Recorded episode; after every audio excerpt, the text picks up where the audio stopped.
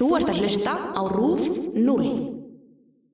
Ég var að þeirna, byrja í þessum svona kertapælingum. Ég var að bara prófa alls konar, þú veist, og var í náminn út í London og það var eitthvað svona milli yfirferða sem áttum að vera svona að kynna hvað við varum að, að prófa og ég var búin að gera fullt af einhverjum tilraunum og þetta var svona, þú veist, ekki eitthvað svona loka pródúkt sem við áttum að kynna. Já, og ég var með hugmynd af svona leini skilabóðakertum og ég vildi bara kerti liti bara svona vennjulega út svona löng, þú veist, sem þú setur í kertasteka.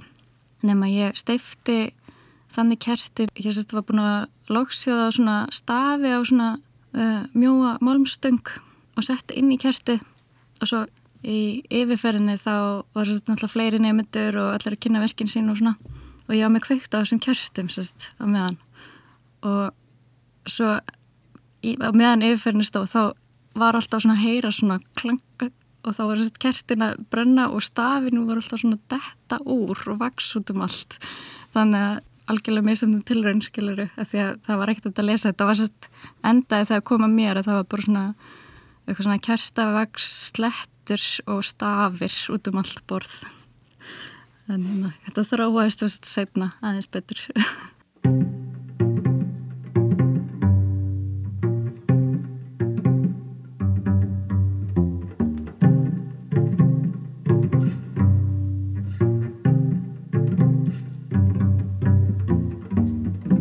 Hæ, ég heiti Hildur og þetta er Skaparinn.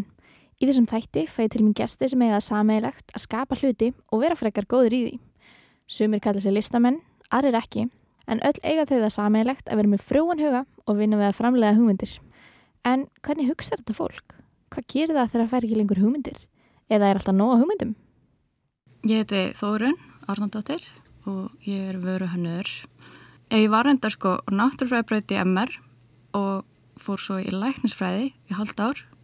Og ætlaði bara allt aðra braut en ég er á núna en hef alltaf verið svona forvitinn og haft áhuga á vísundum og hérna eh, en fann að svona sköpunarþörfin var ríkari þannig að ég fór í fornum í myndlistaskólanum í eitt ár og svo listafaskólan veru hönnun fór svo í starfsnám úti í London hjá japanskum hönni nokkur mánu og svo fór ég mastersnám í námi sem heitir Design Products í hérna Royal College of Art í London. Og það var, já, tveggjara master. Og ég starfa sjálfstætt núna reg svona mitt eigi fyrirtæki sem er svona eila tvískipt, það er annars vegar er það 54 Celsius sem að ég reg með félagið mínum í bandaríkjunum. Ég er hér en við erum fyrirtæki hér í bandaríkjunum og uh, við framleiðum hönnum og framleiðum svona mjög sérstaklega kerti. Og erum að selja það út um allan heim. Og svo er hinn hlutin af svona fyrirtækinu mínu. Það er bara mjög fjölbreytt alls konar verkefni sem ég er að taka af mér hönnuna tengt Hvena myndur þú segja að þú hafið byrjað að skapa? Ég bara man alltaf eftir mér að vera skapandi. All börn sé ekki skapandi? Þannig að um, ég man alveg eftir til dæmis í kringum afmæli og jól og svona þá fór ég alveg í túrbókir að föndra og búa eitthvað til og ég var alltaf bara að búa eitthvað til og gera eitthvað um, Þú sagði að það byrjaði læknisfræði Manst eftir mómentinu þegar þú ákvæmst að þú ætlaði frekar að fara yfir listina? Ég held að það veri bara svona alltaf eitthvað svona innrið tókstreita sko.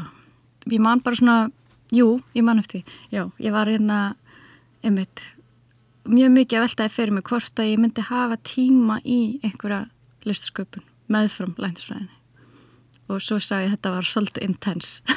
Þannig að ég uh, átti mjög gott spjallir þetta við pappa minn eitt kvöldi.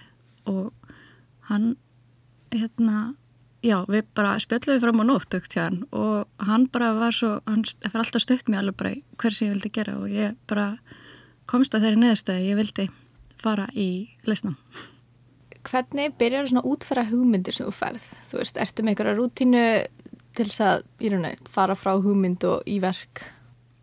Já, rútínan er samt alveg mjög svona mismunandi eftir verkefnum. Það er líka, stundum eru þau mjög svona fyrirfram skipulöðu ákveðin, þú veist, fyrir eitthvað og þá, hérna, en ég byrja alltaf á svolítið góður svona rannsóknar, hérna, sko, bara að hérna, kynna mér hlutina vel, skoða viðfáðsefni frá öllum hliðum. Og svo reyni ég alltaf að koma mér sem fyrst yfir í svona að gera eitthvað, veist, gera eitthvað með höndunum eða veist, búa eitthvað til. En mér finnst það erfiðast í hjallin hvernig maður byrjar bara, ok, nú ætlum ég bara að gera þetta. Og, og reyna að hugsa ekki, þú veist, já, þetta er ekki loka hluturinn, þú veist, þannig að en það er svona ákverju byrja ég? Og, en um leið að ég byrja að skapa og búa eitthvað til að þá, þá fara hlutinir þú veist, í alverðinu að þróast að gerast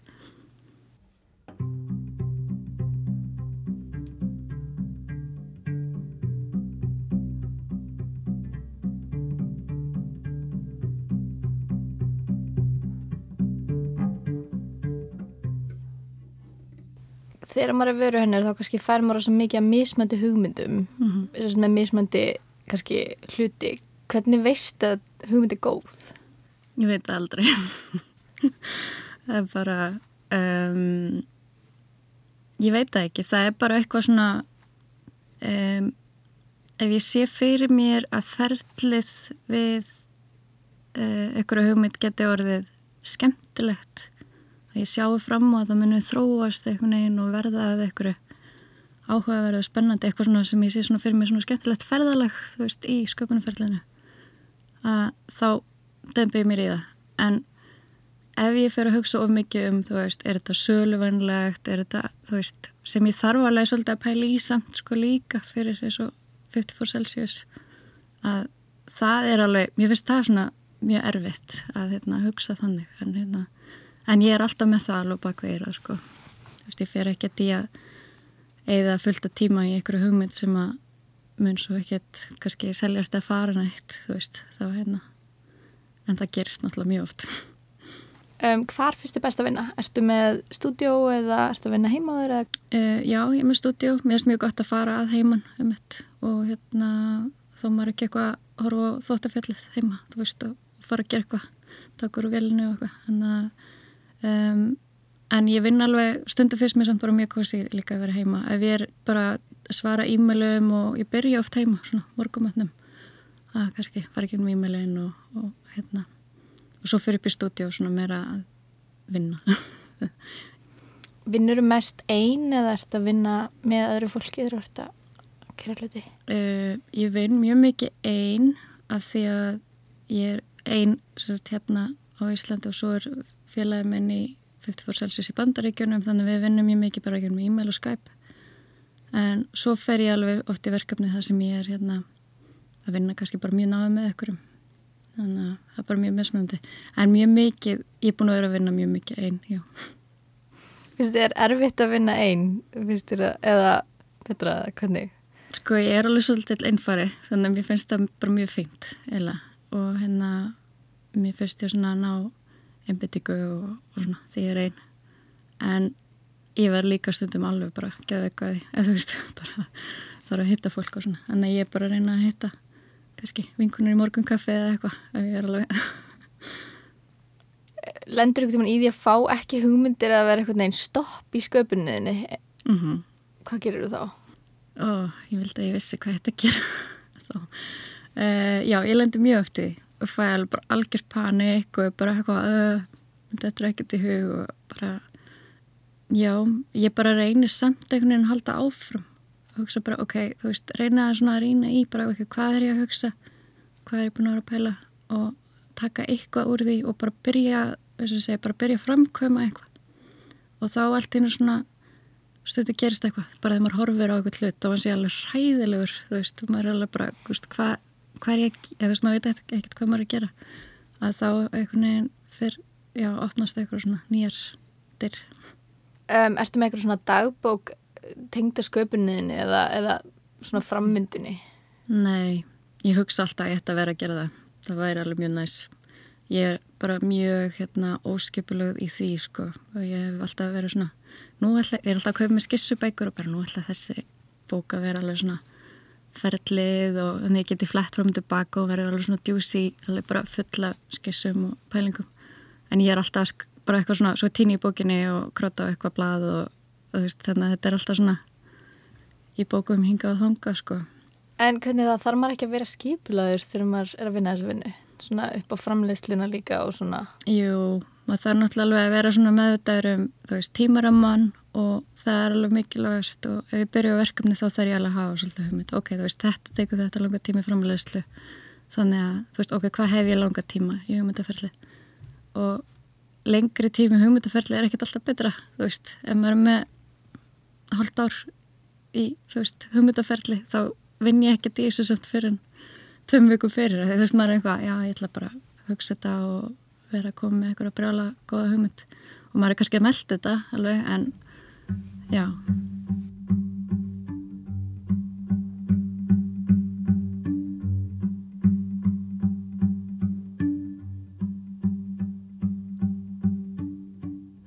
Getur þú sagt okkur svona aðeins frá því til dæmis með pyropettkertin hvernig það ferli var til og hvernig kom hugmyndin? Við vorum að vinna út frá eitthvað svona sögu í skólanum og hérna, ég ætla ekki að lýsa henni alveg nákvæmlega en allavega hún svona leti mig í það átt að, að hugsa um hluti sem eru svona ephemeral, svona hluti sem að eigðast eða hverfa eða já, þetta er ekki endalegir og uh, ég fór að skoða kerti og ég fór að hugsa bara þetta er svo skrítin hlutur kerti þú veist að af hverju erum við ekki lungu hægt að framlega og nota kerti því við erum komið rafmagn miklu effektífari lýsing og hérna og þannig þú getur gert hvaða form sem er í kertavaksið og það er alls konar svona eins og stittur eða þannig búna til í kerti. En það eina sem skilur þær frá vennilegum stittum er þessi svona bóðum að eigðilegja stittuna, kveikurinn. Þannig að þetta er svona þú getur að láta þetta eilifu þú veist, þetta verður kannski eitthvað svona ríkvallið og uppleitað og eitthvað sluðis en þetta, þetta er gert til þess að eigðilegja og mér fannst það ótrúlega áhuga að vera svona þessi, þetta ritual að kveiki kerti sem er kannski og flott hvernig er ákveður að eigðilegja kertið og þannig ég ákvaði að taka bara þessa hugmynd svona og gera hana eins dramatískari. Þannig ég gerði bara svona fyrsta prototípur var svona lítill. Ég gerði hana alveg svona mjög bleikan kettling bara bjóð til úr hérna leir og steifti kerti. Og klifti út í höndunum þú veist, úr málmi hérna svona einhverju beinagrind og krumpaði saman og setti inn í. Og þá var kveikurinn líka, hann endaði í svona nikli við fætunar á kettinu þannig að það var eiginlega bara svona upprunnilega hugmyndin að svona búa til meira svona þýtur eða svona upplifuna því að úr þessu rítjóli að kveiki kjerti og brenna Finnst þú að vera skapandi á fleiri vegu heldur en í rauninni að vera vöruhönnur? Um, já, ég, ég minna vöruhönnun er náttúrulega rosalega fjölbreytt þannig að já ég myndi að segja það. Og alveg margt sem ég er að pæla er kannski ekki endilega eitthvað alveg mikil hönnun, þú veist, það getur alveg eins ég pældi alveg að fara í myndlist líka þú veist, og þetta er náttúrulega náskilt. Getur þú sagt okkur aðeins hvað svona veitið er innblástur? Það er kannski bara svona áskoranir. Mér finnst mjög skemmtilegt að fá eitthvað svona svolítið förðulega verkefni.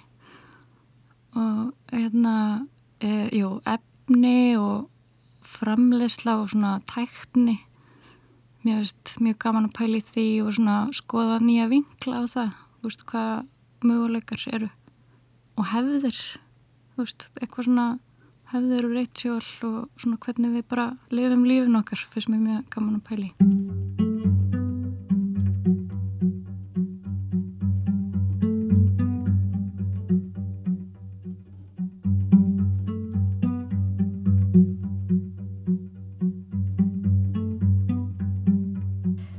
fá innblast frá öðrum listamönnum eða eitthvað list? Já, já, ég myndi segja það, já. Bara, ég get eða ekkert alveg nefnt kannski einhverju en ég bara, mér finnst gaman að fylgjast með svona hvað, til dæmis fólk sem er með mér í skólanum úti, það hefur bara verið að gera mjög skemmtilega hluti og hérna, já, mér finnst bara gaman að fylgjast með. Í smáfóruðin með hérna starfsnámið sem þú fóst í hjá mm -hmm. hennunum, ertu til að segja aðeins frá því? Já, uh, ég fór sérst undir Tomoko Atsumi uh, og er búin að búa í London í mörg áru og er þar enn. Og hún er hérna uh, já, hún er mjög svona minimalísk og funksjónal, hún gerir mjög flotta hluti og alveg svona mjög, mjög mikið innanús hannun líka. Og ég var eiginlega alveg svolítið hissa og hún vildi fá mig í stafsnáma því að, að því að hugmyndin sem ég var búin að pæla í, bíanáminu voru ekkert eitthvað alveg svona minimalískara og það voru svolítið svona tilhörnakjöndar út um allt. Og hérna en við unnum bara rosalega vel saman sko. Ég fekk alveg svolítið hérna frjálsar hendur með mörg verkefni og hérna og ég læriði, fekk rosalega góða einsinn inn í bara svona hvernig svona hannunar stúdíu virkar. Náða að svona fíntjúna mig einhvern veginn að vinna fyrir hana. Og pæla í svona dítelum og formum og, og ég gerir rosalega mikið af svona pappisprototípum og pappismódelum, þú veist, hún var að hanna hæstaréttin í Breitlandi og þannig ég var að, að búa til alla svona pínuleitla svona skala 1.10 svona stóla og skala gemslur og svo les var ég að skera út úr pappir já, ég lærði, ég lærði alltaf að gera pappismódel mjög vel. Hvað er besta ráð sem þú hefur fengið?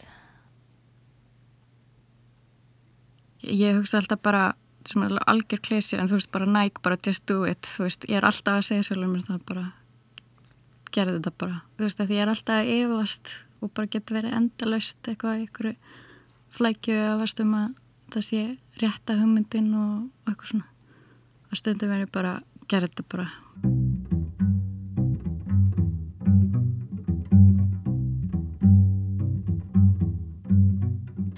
Ég þakka Þórinni Árnadóttir fyrir skemmtilegt spjall.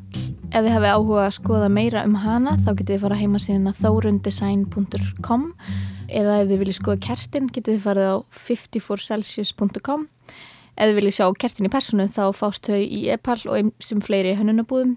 Svo munum við bara kertur úr falleg en það þarf líka slökk á þeim. Það er að koma jól og svona, ekki kveikin einu. Þá segir ég bara takk fyrir í dag. Ég til hildur, þetta var skafbrinn.